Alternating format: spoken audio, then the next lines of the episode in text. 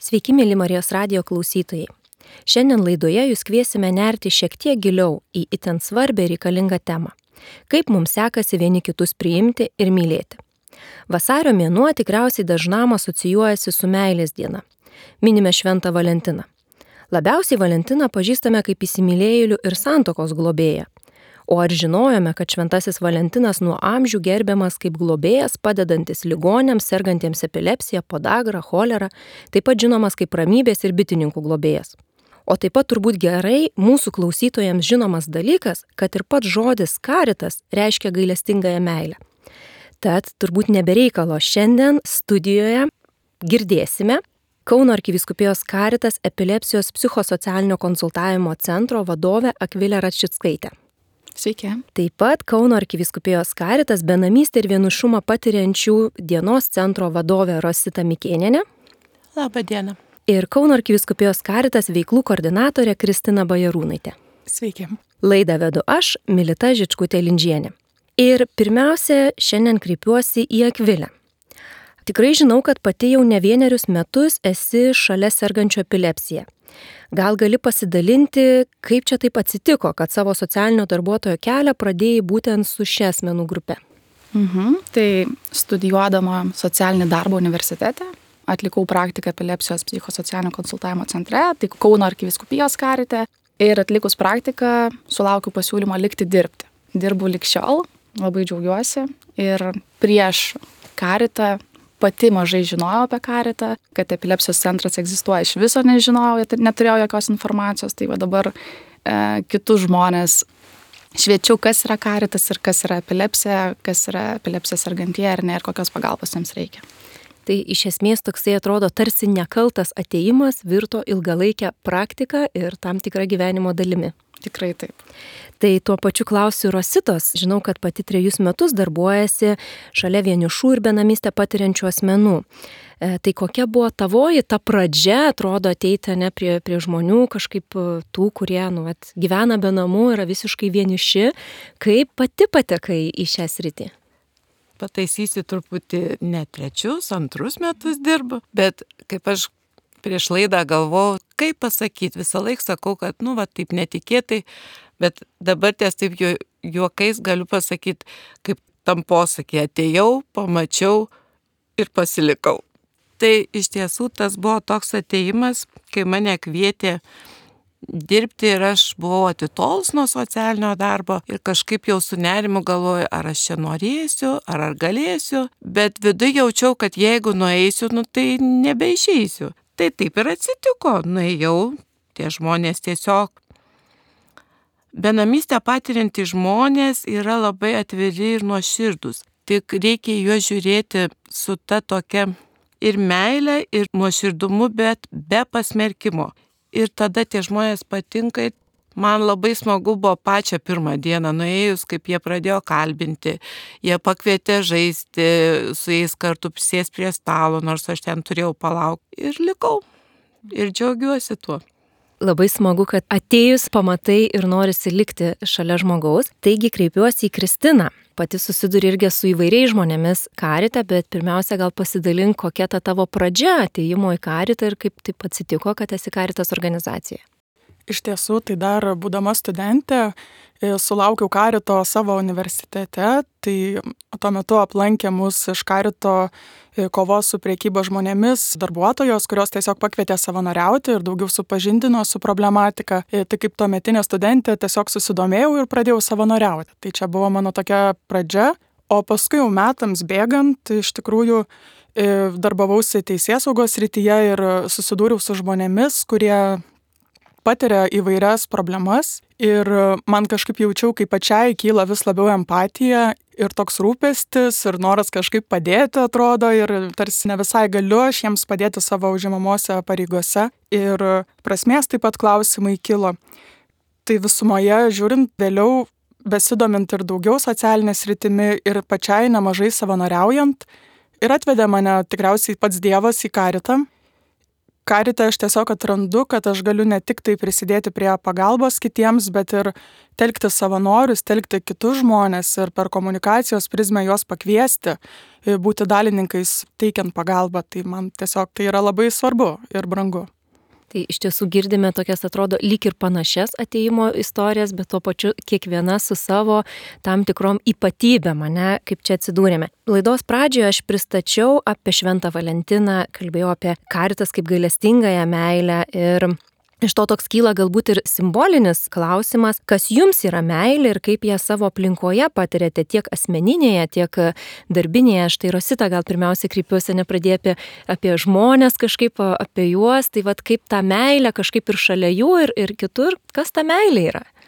Tai kaip aš jau su kolegom šnekėjau, kai visi sako, Dievas yra meilė, tai galima persi tą posakį, meilė yra Dievas. O jeigu kaip savo, kai sakoma, santykiuose su vyru, su šeima, tai kaip aš sakau, palaima ir kančia viename. Nes kartais ta meilė būna tikra palaima, kai tu gali skrajo debesyse, drugeliai pilve ir viskas atrodo gražu. Bet kartais ta meilė duoda ir kančią, nes kartais per meilę kenčia žmogus, nes nežino, kaip padėti, kaip išspręsti kito problemas. Tai ta meilė tokia, kaip aš sakau, amžinas klausimas. Niekas į tai negali atsakyti.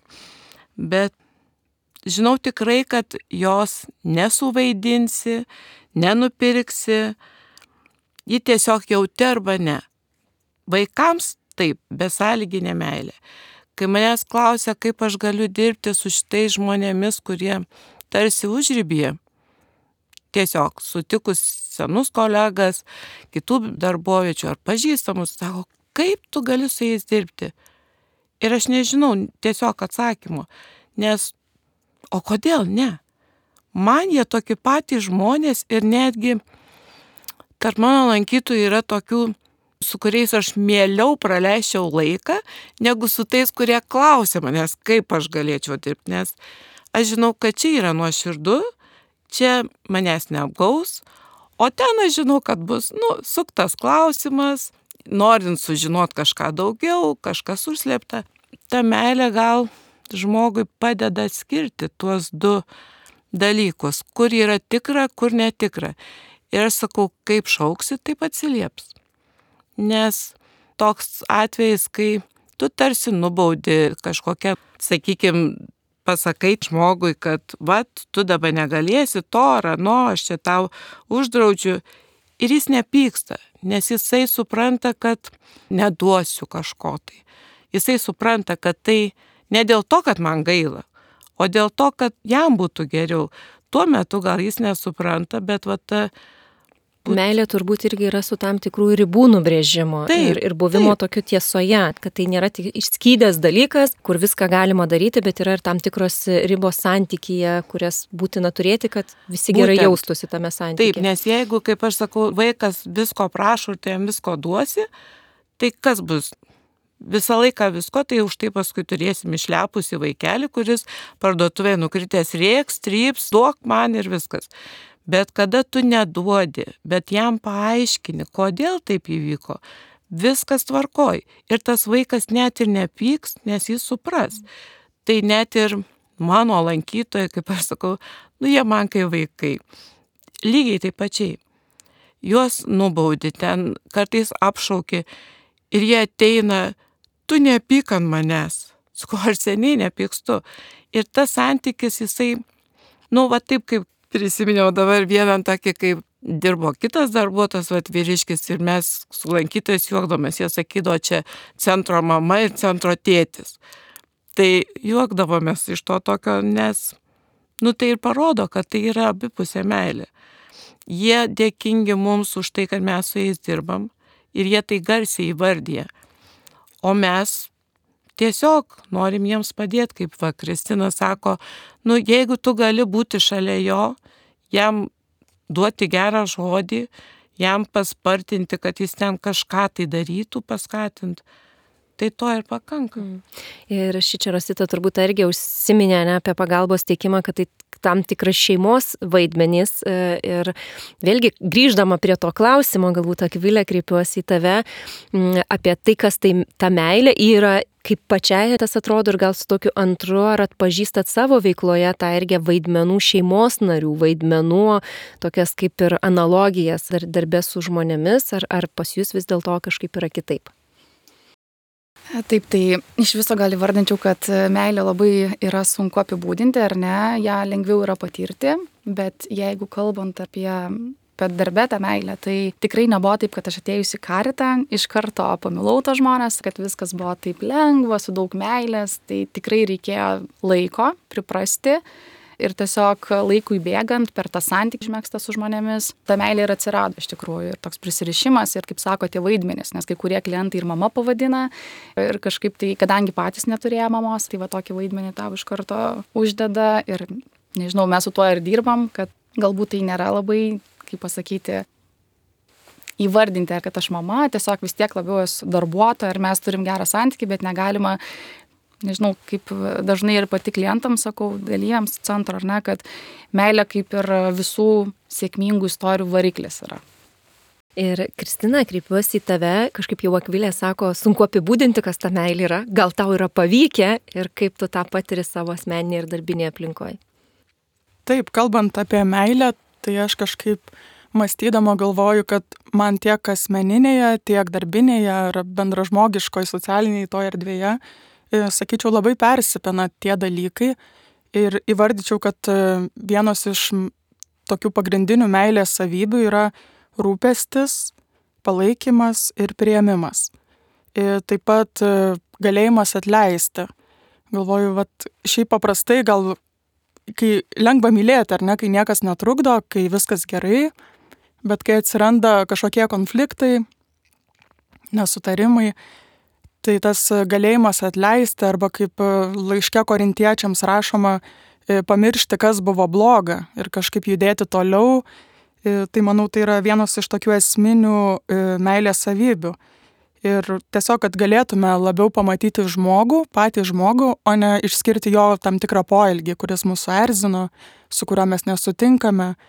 Tai tiesiog tas toksai platesnis žvilgsnis į žmogų kaip į Dievo kūrinį, kaip į Dievo vaiką, tai manau, tai ir yra meilė, kurios mes mokomės kiekvieną dieną. Mhm. Ir man iš to, kai dalinosi kažkaip Rosita, nuskambėjo toksai tas pasakymas apie tą besaliginę meilę, ne vaikų.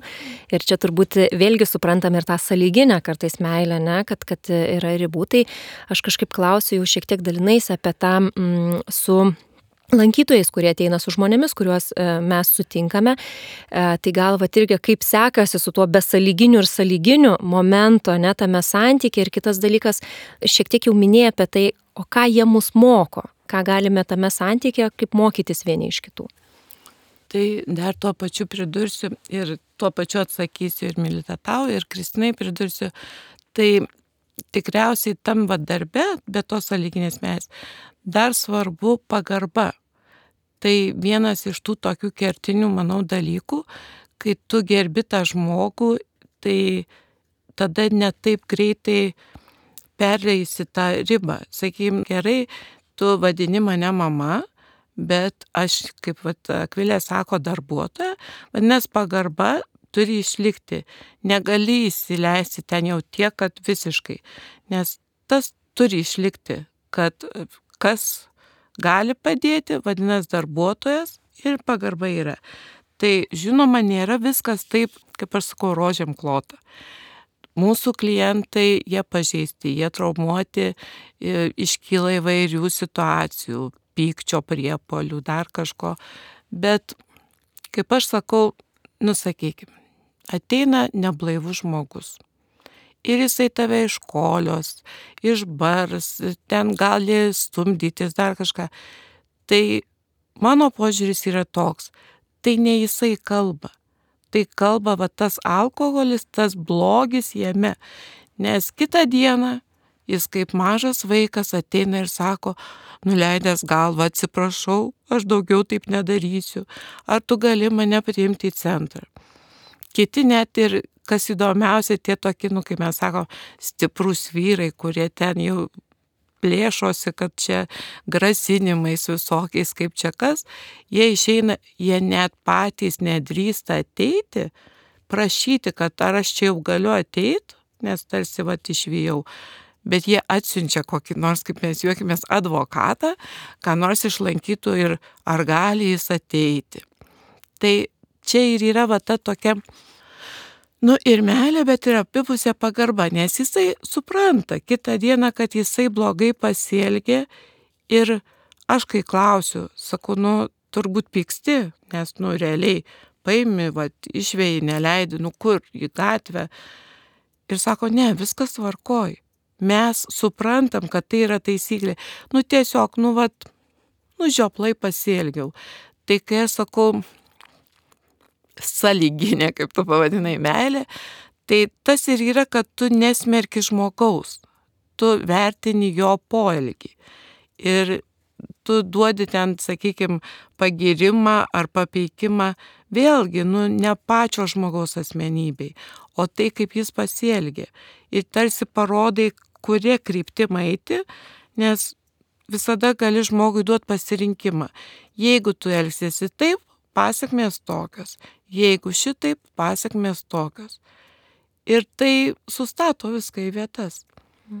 Iš to, Rosita, kiek daliniesi, tai turbūt labai aišku, kad e, tas santykis turbūt karitatyviniai veikloje su žmonėmis, kuriuos mes sutinkame, yra labai toks dinamiškas, kintantis, nu jis nėra statiškas, kad mes nuolat. nusistatėm taisyklės, ne nuolat yra toks, nuolat. aš sakyčiau, net atsinaujinimas, ne, vat, kiekvienos dienos atsinaujinimas ir čia turbūt labai svarbu, kad tie, kurie mes ateinam prie šių žmonių sužeistų, tą gebėtumėm atsinaujinimą ir nesinešiotą ne kartėlių sudėtingose situacijose. Nes... Ir tu kasdien iš jų mm. mokais to. Mm. Nes pradžioj tavo gali atrodyti situacija tokia, e, kada tu susiduri su kažkokiu atveju, tu žinai, kad jau kitą kartą gali būti taip ir pasitikrini.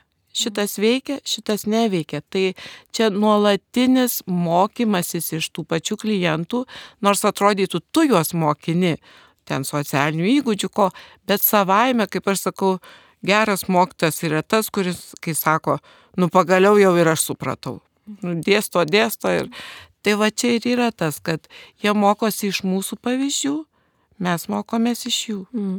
Ir mes turbūt tikrai žinome, kad apskritai, kai kalbam apie meilę, e, kad yra skirtingos meilės kalbos, ne, ir, ir dalykai skirtingai, kaip tai pasireiškia. Ir tikrai e, jau girdime iš e, pasidalinimų, ir taip kaip Rosita kalba ir dalinasi, kad savo veikloje turime ne tik tos romantiškus dalykus, kur viskas labai gerai, labai įvyks. Ir kitas dalykas, veikiame ne tik per nuoširdžius susitikimus su žmonėmis. Yra ir daug tokių praktinių dalykų, kai veiklą organizuojant reikia nunešti, sukoordinuoti, parnešti, atvežti ir, ir visokių kitokių e, niuansų padaryti. Tai klausiau čia Kristinos, kuri tikrai žinau, kad organizuoja, koordinuoja, ieško įvairių ir savanorių veiklą ir taip toliau. Kaip tu atpažįsti tuos kartais meilės dalykus praktiniuose reikaluose, kurie nebūtinai siejasi su to, kad mes sustikom su žmogum ir mums labai gerai, ne kartais reikia padaryti labai tiesiog dalykus, kuriuos reikia padaryti, ar sandėlyje, ar kažkur kitur. Tai e, ką galėtum iš to pasidalinti, kaip matai, kaip, kaip čia mes vis dėlto galime matyti tam tikras meilės kalbas? Tikrai dažnai prireikia ir tokios labai, kaip sakai, praktinės pagalbos Tai būna tikrai, kad net ir būnant mums ofise ir dirbant paprastus darbus, ištinka kažkoks pranešimas, kad atvažiuoja sintinukas, tas sintinukas paaiškėja, kad yra vilkikas ir tada visi kaip skrusdelytės puola į darbus.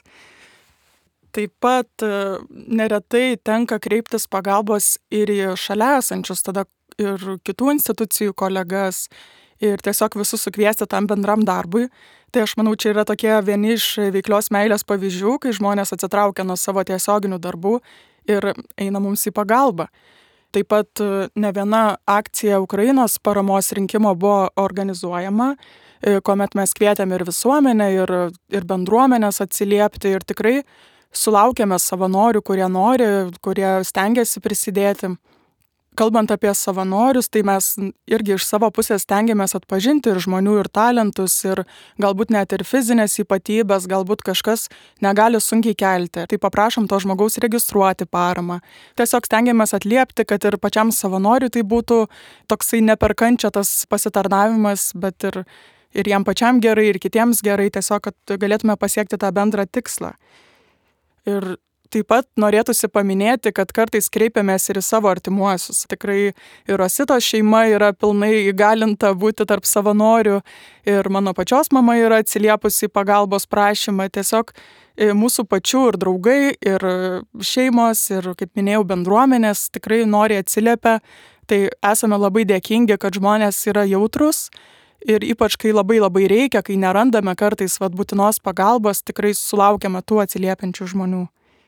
Tai iš esmės iš to tikrai ką girdžiu, tikriausiai tas labai svarbu gal yra akcentuojant, kad teikiant pagalbą stokojantiem asmenim, kad e, jinai yra labai vairialypė ir yra vairia pusė. Ir tai nėra tik apie susitikimą, bet kartais maži dalykai kažką atvežant, atnešant, sudėliojant, ypač paramos rinkimo akcijose, kad tai prisideda prie bendro e, tokio paveikslo pagalbos, e, kurioje mes esame ir kad kartais galime atrodo lyg ir nereikšmingų mažų dalykų prisidėdami, bet kurti tą bendrąjį tokį mums gėrį.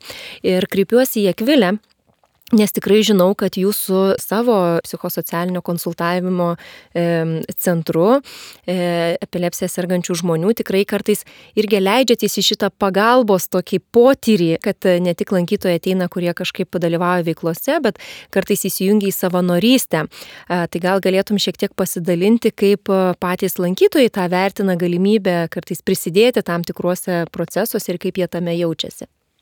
Tai mūsų lankytojams yra didžiausia šventė, kai jaučiasi naudingi, kai, kai juos pakviečia kažkur prisidėti, kažkam padėti, ar ypač kai pats karitas įtraukia ar ne į veiklas, nes jiem yra tai vienas malonumas, jie jaučiasi vertingi, kad gali prisidėti. Ir, ir manęs labai dažnai prašo, tai tik sakyk, akvilė, tik tai tegul kviečia mus, mes visada ateisim ir padėsim. Tai va, nors aišku, irgi lyga epilepsija yra tokia truputėlį ribojanti žmogų, ar jisai negali nežinau, pilnai įsitrauk galbūt ar ne į pagalbą, bet šiaip tai žmonės visada labai nori prisidėti ir tiesiog jaučiasi reikalingi ir, ir tiesiog prasmingai praleidę tą laiką. Nes nepaslaptis, kad epilepsijos argantieji dažniausiai kad ir kaip liūdna sakyti, bet sėdė ir apsidarė namuose, atsiribojo nuo, viso, nuo visuomeninio gyvenimo ir, ir tiesiog tas įtraukimas jų yra labai reikalingas ir, ir kaip pati sakau, reikia kuo daugiau skatinti ir kuo labiau įtraukti į visas įmanomas pagalbas ir apskritai veiklas, nes e, mūsų kaip centro gal net toks pagrindinis tikslas yra, kad epilepsija sergantieji ir apskritai visi neįgalieji ar ne būtų ne šalia mūsų, o tarp mūsų, su mumis. Tai va čia tokia mūsų kaip ir vienas iš pagrindinių tikslų centro. Čia turbūt apskritai mūsų šio laikinės visuomenės vienas iš uždavinių, kuris yra visuomenė, kažkaip matyti žmonėse viltį ir potencialą, ką mes per eilę laiko, taip tikriausiai teikdami pagalbą, tikrai esame nuėję, kad tiem žmonėm reikia pagalbos ir dažnai nepamatome, kuo jie galėtų padėti. Ir čia prašysiu ir gerositos pasidalinti iš tų praktinių pavyzdžių, kaip vienamystę patiriančių ir vienišumą žmonių, e, kaip jiems pavyksta tą įvairiom meilės kalbomis prabilti tam tikrose pagalbos formose ir tikrai žinau, kad tiek, tiek ir karito kartais organizacijos ribose pagelbėja, tiek ir išeina įvairias savanorystės formas, tai, tai kaip vat, jūs matot tą ir kaip, kaip žmonės tai patiria. Tai kaip ir Akvilė minėjo, mūsų žmonėms irgi tai labai svarbu būti įvertintais ir naudingais. Tai tikrai, kai karitas pakviečia kažkokiai, kaip mes sakom, darbiniai pagalbai, o vyrukai pas mus pakankamai stiprus, ne visi, bet tiesiog jie net laukia, jie džiaugiasi, kad galėjo padėti. Jeigu taip atvirai, tai po talkos tokio darbo, tai jie grįžta į centrą tokį didvyriais. Tiesiog čia buvo pagalba iš zoologijos sodo, prašė mūsų pagelbėti, išvalyti tenais e, sandėliuką. Vėlgi, nu tiesiog atsiranda tai, kad kiek mes talpinam, sakykime, automobilį, kad nusivežti, tai gaunasi tokia konkurencija net. Tai ar aš važiuosiu, ar aš, nes transporto neturim tiek, kad paimti visus, kas nori. Tai, sakykime, tas mūsų savanorystė šuniukų prieglaudoje gaunasi taip, kad jau grafikas į priekį sustatytas, nes visi nori.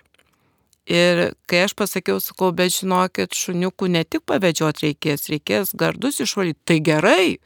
Tai tas toks tai ne tai, kad jie nori pažaisti, jie nori padėti. Ir aš taip galvoju, jeigu nebijotų visuomenė kreiptis, tai, sakykime, visos tos kiemų talkos, dar kažkas, jie mielai padėtų. Ir jiem net nelabai reikia to didelio atlygio kai jie sako, nu ten būna kitas įkarduosi šokolado.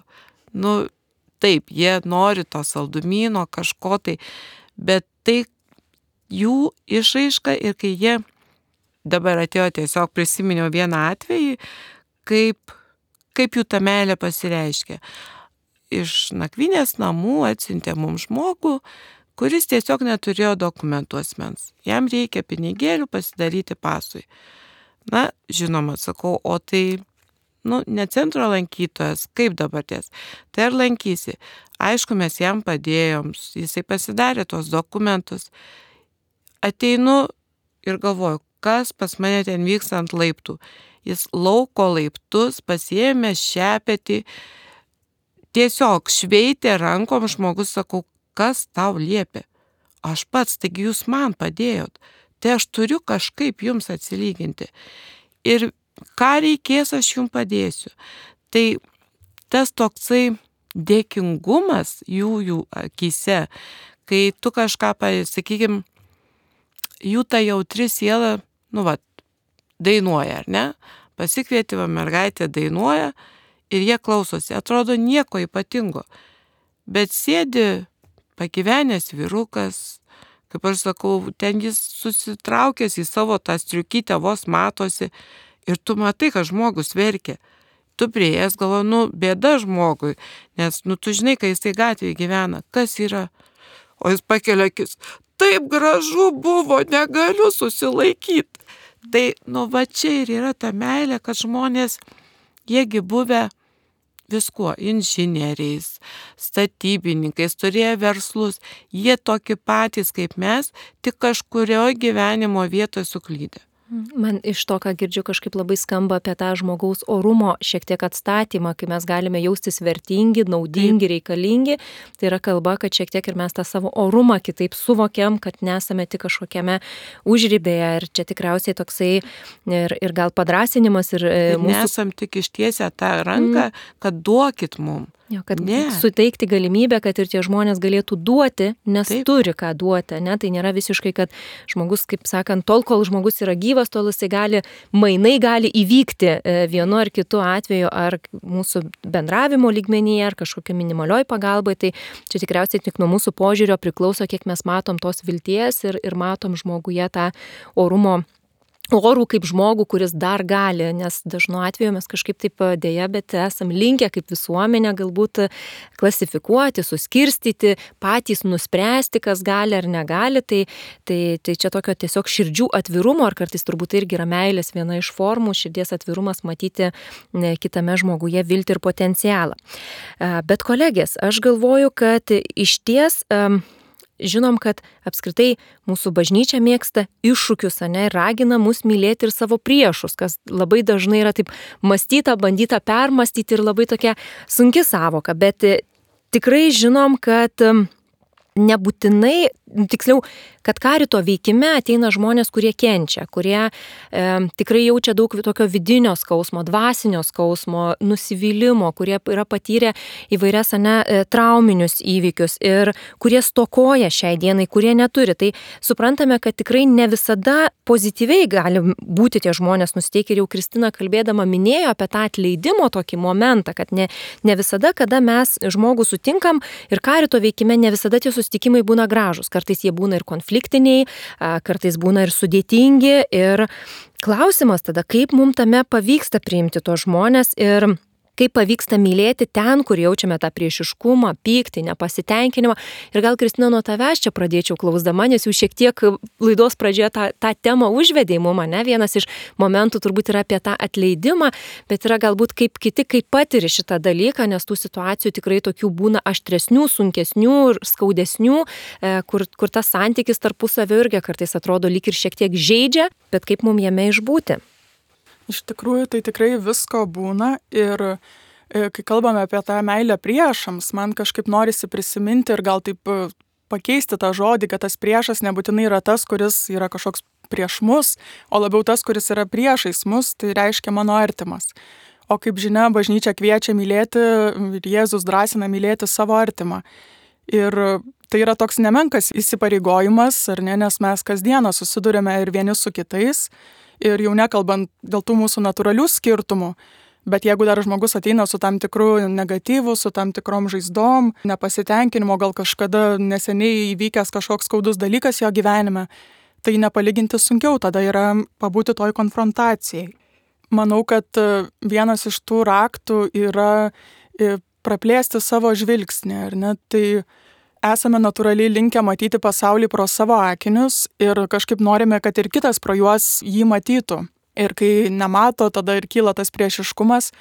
Tai aš nežinau, man asmeniškai, kiek aš susiduriu su tokiom situacijom, kur gal net ir nepavyksta susikalbėti, arba jauti, kad, nu, vat, kažkaip mes kalbam skirtingom kalbomis ir, ir tarsi negirdim vieni kitų, ar ne, ir kažkas va tokio, kur, nu, neišeina jau žmogiškom jėgom, tai kažkaip tikrai padeda tas nešimas į maldą ir tikrai Dievui papasakoti apie tos žmonės, apie jų problemas, jeigu žinome platesnį kontekstą. Ir ypač tada, kaip ir iš karito pusės, mes kartais net ir negalime padėti, nes situacija gal to žmogaus tikrai yra labai sudėtinga. Tai kažkaip Dievo pasikvietimas į tą visą e, situaciją, į tą konfliktėlį ar tą nemalonų pokalbį e, praplečia tą žvilgsnį ir padeda gal matyti ir iš kitos pusės ir kažkaip giliau pažvelgti. Tas suteikia jau tada aikštelę kalbėtis. Kažkaip, kai jau pats esi be iš ankstinės nuostatos, kai gali naujai pasižiūrėti. Mm. Akvilė, o kaip pačiai sekasi, kaip Kristina gražiai paminėjo, net tą priešais esantį artimą kartais, kuris ateina tikrai su skauduliais ir galbūt tokio pykčio, e, kaip pačiai vad sekasi priimti ir tose situacijose galbūt būti kartu su žmonėmis. Man labai strigo vieno kunigo pasakyti žodžiai, tai yra mylėti žmogų, o ne jo elgesį. Tai labai strigo ir tiesiog vat, pačia pradžia, ar ne, kai vat, pradėjau dirbti su žmonėmis, Tai tikrai būdavo labai skaudu, ar ne, ir priimdavai viską asmeniškai, tą pyktį, ar ne, nežinau, tarsi kempinė viską sugerdavai ir viskas likdavo tavyje, jis niekur neišeina, kaip sakau, tas pyktis, tiesiog tu kaupi, kaupi, kaupi, kaupi.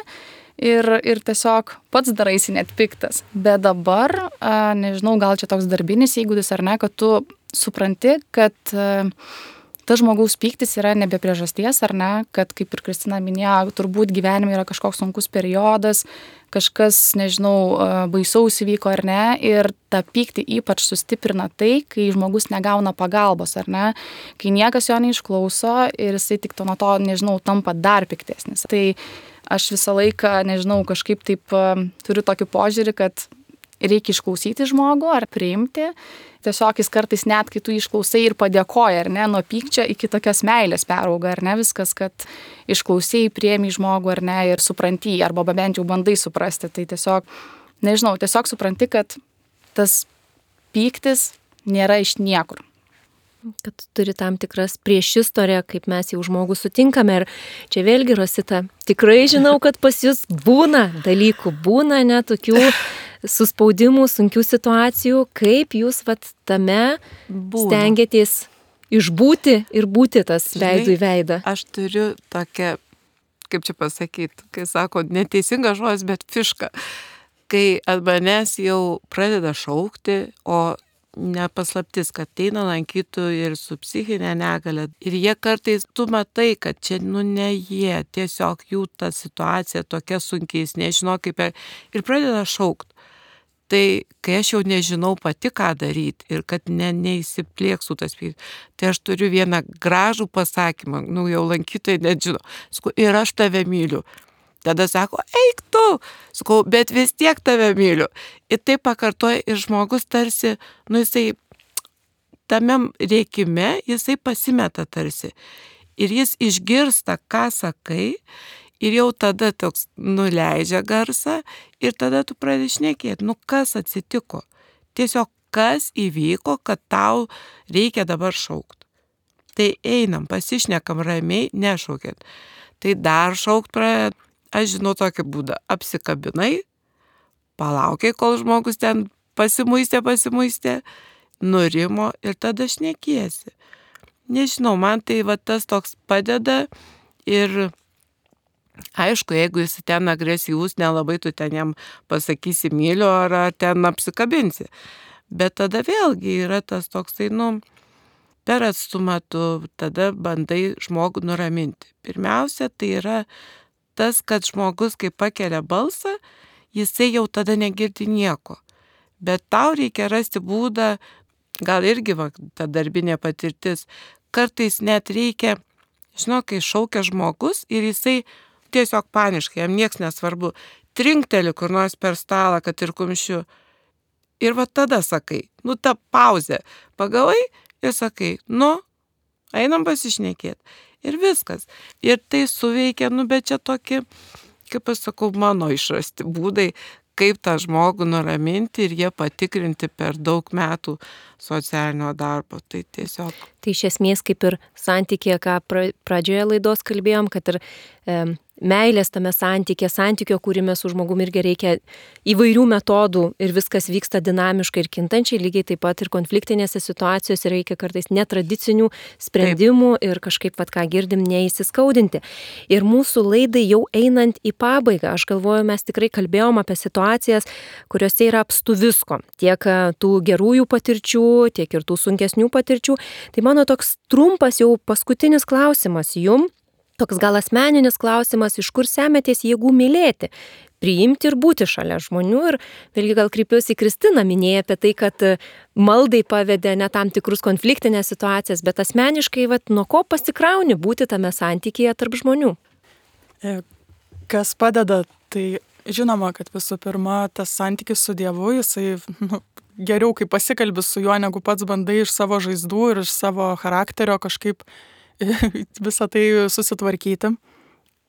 Tai aišku, tiesiog ir sakramentai, ir netgi ta pati išpažintis, kai jau nepavyksta toj situacijai subudėti ir ta meilė artimui kartaisgi gali būti, kad visi mes žmonės ir neišlaikom ar net tam tikroj situacijai. Ir tai kažkaip išpažinties metu gali nusinulinti tą visą savo susikaupusi, nežinau, ir nuoskaudą ir galų gali ir atleisti. Tai sakyčiau, yra adoracija ir šventosios mišios ir apskritai tiesiog buvimas su žmonėmis, jisai kažkaip ir moko po truputėlį vis labiau juos pažinti, pažinti save, pažinti kitą, kitokį negu aš, ar ne, ir kažkaip įsileisti daugiau tos šilumos į santykį ir priimti, kad kitas žmogus yra kitoks ir, ir mes galime kažkaip sutarti. Mane apskritai visada stebino, kaip žmonės iš viso jie kažką dar gražaus nuveikia, nes esam tikrai labai skirtingi bet vat, matyt, Dievas mus įgalina tam kažkaip suteikdamas e, jėgų, e, parodydamas tas gražias savybės vieniem kitų ir kažkaip mes vat, vis tiek tą meilę nugali viską, nepaisant mūsų skirtumo.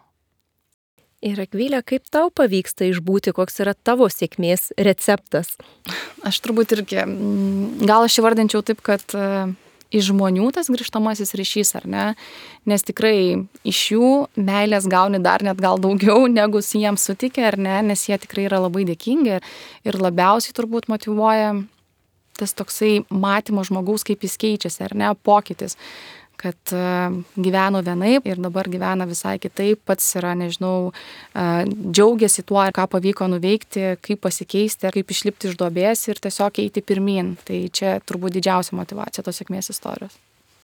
Ir Rosita, paskutiniai tokie tai, pasidalinimai, kaip pačiai mm -hmm, sekasi išbūti. Pritarsiu abiem savo kolegiam ir aš tik vienu sakiniu turbūt pasisemti tai ir duoda tą meilę žmogui, gamtai nu, ir Dievui trys dalykai, kas, nu, vaikai, kurie duoda tą postumį į priekį.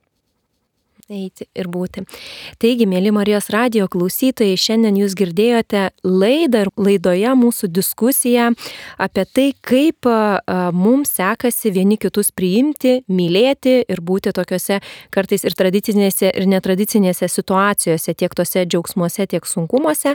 Ir e, šiandien laidoje jūs girdėjote Kauno arkiviskupijos e, Karitas epilepsijos psichosocialinio konsultavimo centro vadovę Akvilę Račiskaitę, Kauno arkiviskupijos Karitas benamystę ir vienišumą patiriančių dienos centro vadovė Rosita Mikėnienė, Kauno arkiviskupijos Karitas veiklų koordinatorė Kristina Bajarūnaitė, laidą vedžiau aš, Milita Žičkutė Lindžienė.